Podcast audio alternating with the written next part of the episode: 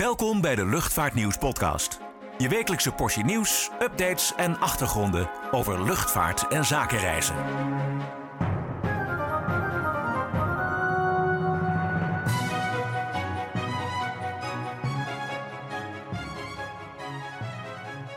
Hallo en welkom bij de Luchtvaartnieuws podcast. Mijn naam is Klaas-Jan van Voorkom en ik word weer vergezeld door mijn collega Niek Vernooy. Deze keer gaan we het hebben over onder andere de verjaardag van Qantas, vijf jaar Dreamliner bij KLM, de tarieven van Schiphol en de stoelendans bij Brussels Airlines. Het Australische Qantas is deze week 100 jaar oud geworden. En daarmee is het bedrijf na KLM en Avianca de op twee na oudste ter wereld. En Qantas is ook wel een heel bijzondere maatschappij, want niet alleen bestaat het bedrijf 100 jaar, ook is het eigenlijk de enige die in al die jaren non-stop is blijven vliegen. Want KLM die had tijdens de Tweede Wereldoorlog nogal wat uh, schemawijzigingen. Ja, en ze zijn ook heel veilig, toch? Klopt. Qantas is de enige luchtvaartmaatschappij die nog nooit een dodelijk ongeluk heeft gehad met een straalvliegtuig. Uh, de laatste keer dat een toestel crashte was in 1951, maar toen vloog Qantas alleen nog met propellervliegtuigen. En waarschijnlijk herinner je je nog uh, de film Rain Man uit 1988 alweer met Dustin Hoffman en Tom Cruise. En uh, daarin wilde het karakter van Hoffman alleen maar met Qantas vliegen vanwege het feit dat er nog nooit een jet was gecrashed. Dus dat is echt waar wat in die uh, film werd gezegd. En overigens knipten veel luchtvaartmaatschappijen destijds die scène uit de film als die werd vertoond aan boord. Want zo stonden zij er natuurlijk niet heel erg goed op. Uh, Qantas aan de andere kant maakte wel heel handig gebruik van die goede reclame en liet die scène er bewust wel in zitten. Maar goed ook, want het was een vrij cruciaal stuk uit de film en het verklaarde waarom Hoffman en Cruise een lange autorit door Amerika moesten maken in plaats van gewoon het vliegtuig te pakken. Ja, en Qantas was ook een pionier op het gebied van business class. Zeker, Qantas is de luchtvaartmaatschappij die de business class naar eigen zeggen heeft uitgevonden. Die werd geïntroduceerd in de eerste Boeing 747 van de luchtvaartmaatschappij. En overigens ook wel een grappig feitje, uh, eind jaren 70 vlogen ze ook uitsluitend en alleen met de Boeing 747. Vliegen ze eigenlijk ook nog naar Nederland? Nou, ooit wel. Uh, nu is Londen de Europese hub.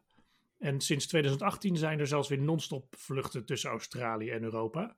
Uh, je kunt met een Boeing 787 Dreamliner vliegen tussen Londen en Perth. Dat is overigens wel een ritje van 15 tot 17 uur, dus je moet er zin in hebben. Ja, 100 jaar is een bijzondere mijlpaal. Gaan ze dat nog een beetje vieren in deze coronatijden? Mm, niet echt. Uh, door de coronacrisis is dat natuurlijk een beetje lastig op dit moment. Ze hebben wel een flypast gedaan over Sydney met een toestel. En wellicht als het weer kan, worden er nog wat festiviteiten georganiseerd. Uh, ja, misschien dat ze daar ook John Travolta bij kunnen betrekken. Dat is uh, een ambassadeur van Qantas. Ja, en die heeft ook bij hun gevlogen, toch? Uh, ja, hij heeft zijn type rating voor de Boeing 747 bij Qantas gehaald.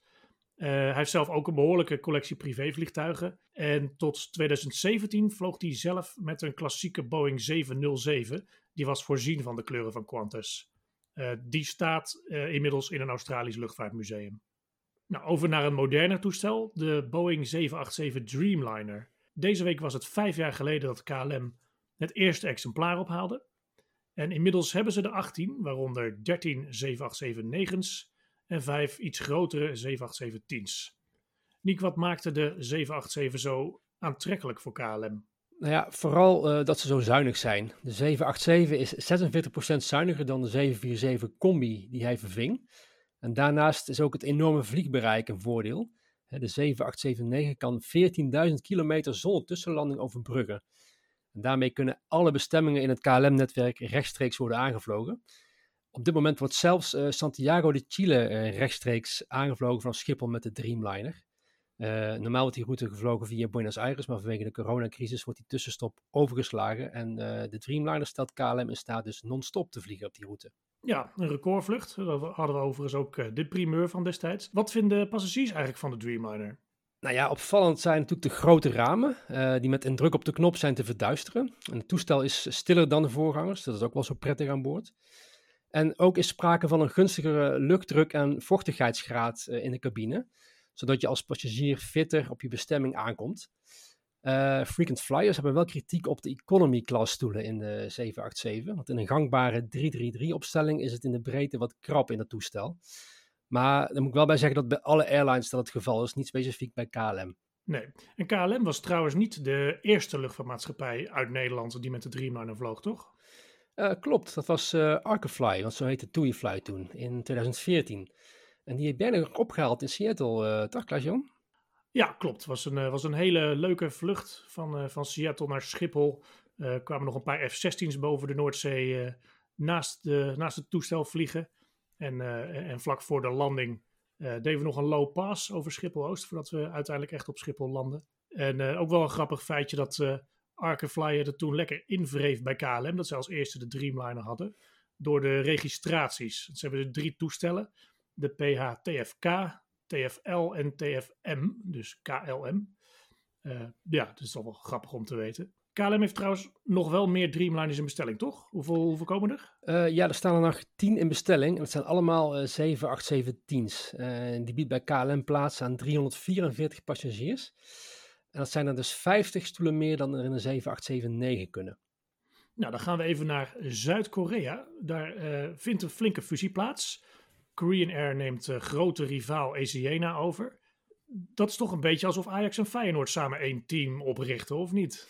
Ja, inderdaad, uh, een opvallende move. Hoewel die wel al een tijdje in de lucht hing. want voor een relatief klein land telt Zuid-Korea opvallend veel luchtvaartmaatschappijen natuurlijk. Hè. Korean Air en dochter Jin Air strijden als het ware tegen Asiana en dochter Air Busan en Air Seoul. Ja, waarom vindt die fusie eigenlijk plaats? Nou ja, de financiële resultaten bij Asiana staan al langer onder druk. En uh, door de coronacrisis is daar, uh, ja, is dat, is dit, zijn de problemen nog groter geworden. Waardoor er een, een zelfstandig voorbestaan voor Asiana niet meer uh, rendabel is. Nou, en opvallend is ook wel hè, dat de twee concurrenten ook zijn aangesloten bij rivaliserende allianties. Korean Air zit bij SkyTeam, uh, waar, waar ook KLM lid van is. Uh, terwijl Asiana onderdeel is van Star Alliance. Ja, klopt. Uh, het is niet duidelijk wat er in dat opzicht gaat gebeuren. Maar aangezien Korean Air een van de oprichters is van SkyTeam, ligt het voor de hand dat Asiana Star Alliance zal verlaten. Nou, maken we even een sprongetje naar België, Brussels Airlines. Er lijkt daar een behoorlijke stoelendans gaande in de top. Vorige week hadden we het hier nog over uh, Brussels Airlines en hun sterke focus op Afrika. Op basis van een gesprek met CEO Dieter Franks. En nu gaat hij alweer weg. Hoe zit dat? Ja, opvallend nieuws. Hij was pas sinds 1 januari van dit jaar CEO bij Brussels Airlines. En heeft vanwege de coronacrisis een grondige herstructurering uh, versneld doorgevoerd bij die maatschappij. Um, blijkbaar zijn ze daar in Frankfurt over te spreken, want Franks blijft actief binnen de Lufthansa groep. Hij wordt namelijk vanaf 1 januari uh, CEO van Swiss. Dus alles behalve een degradatie. Uh, dus overigens werkte Franks eerder al uh, tien jaar bij de Zwitserse maatschappij. Ja, wie gaat hem nu opvolgen bij Brussels Airlines? dat is de Duitser Peter Gerber, op dit moment nog CEO van Lufthansa Cargo. Hij treedt op 1 maart in dienst en de top van Brussels Airlines bestaat dan naast Gerber uit CFO Nina Euberdiek, een Duitse, en COO Edi Wolfensberger, een Zwitser. Dus geen Belgen meer aan de top. Nou, sowieso, als je kijkt naar het verleden, is de houdbaarheid van CEO's bij Brussels Airlines niet heel erg lang. Uh, sinds 2008 hadden we eigenlijk uh, hadden we er een paar. Philippe van der Putten, uh, Michel Meffroy, die het samen deed eerst nog met Bernard Gustin. Gustin werd later ook alleen CEO. Toen kwam Christina Förster, nu dus Dieter Franks. En nu dus weer een nieuwe. Waar zou dat aan liggen? Ja, er is natuurlijk een hoop gebeurd bij Brussels Airlines in de afgelopen jaren. Uh, steeds weer andere strategieën, ook mede door een beetje een, ja, een, een, misschien wat zwalkend beleid van Lufthansa groep uit. Um, uh, ja, ze hebben nu denk ik toch uh, ervoor gekozen, nu Franks orde op zaken heeft gesteld, hem naar een andere positie te dirigeren en, en toch weer een nieuweling aan te stellen.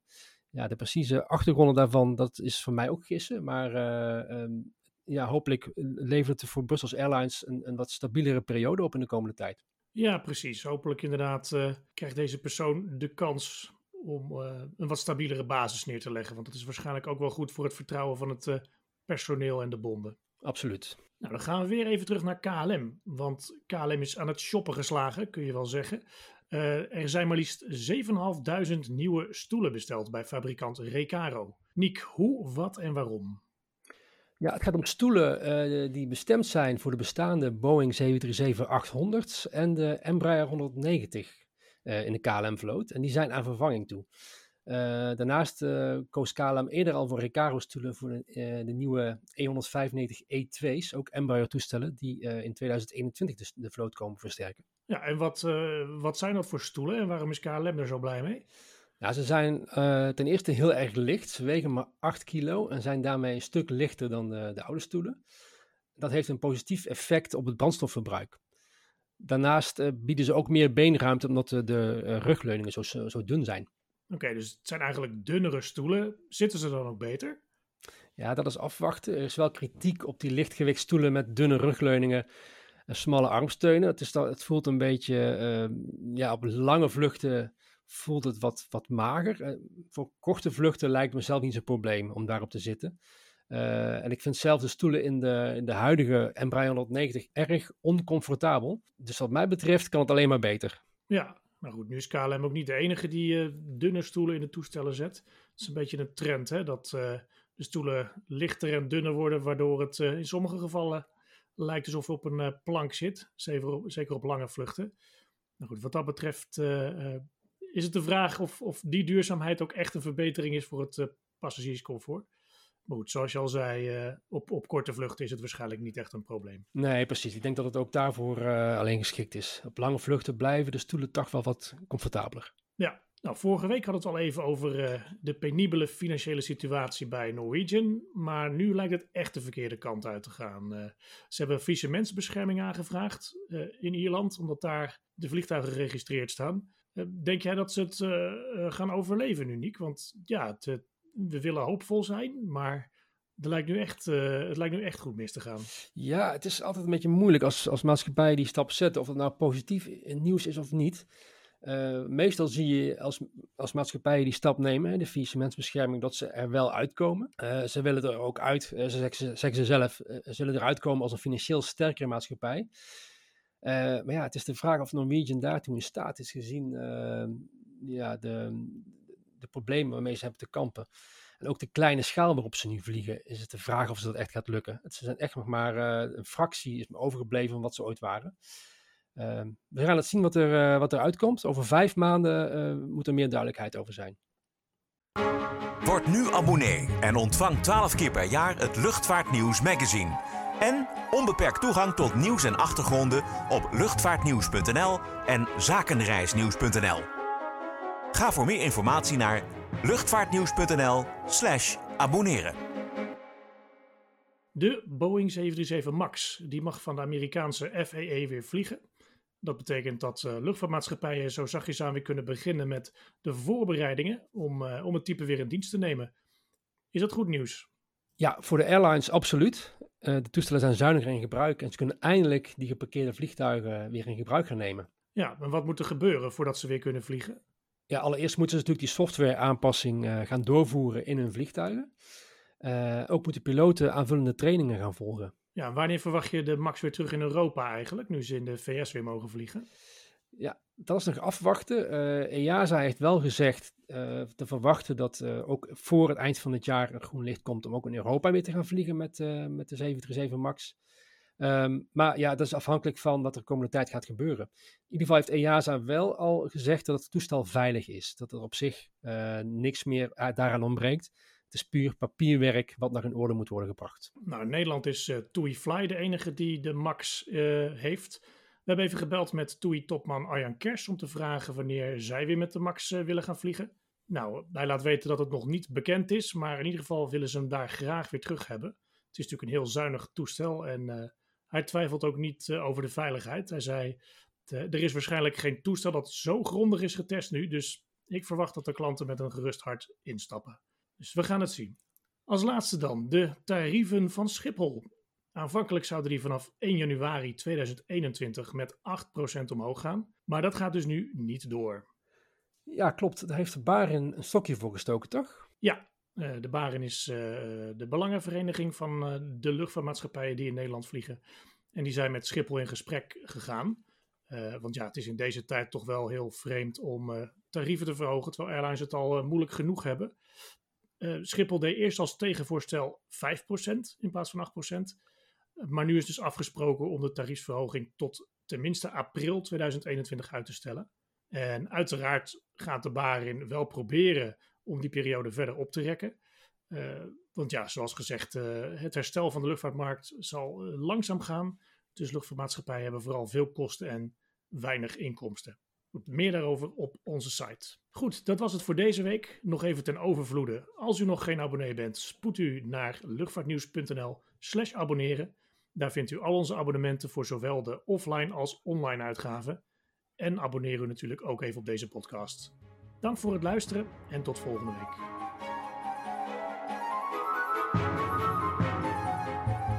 Bedankt voor het luisteren naar de Luchtvaartnieuws podcast. Voor opmerkingen, vragen of suggesties, mail ons redactie@luchtvaartnieuws.nl. Een fijne dag en graag tot de volgende podcast.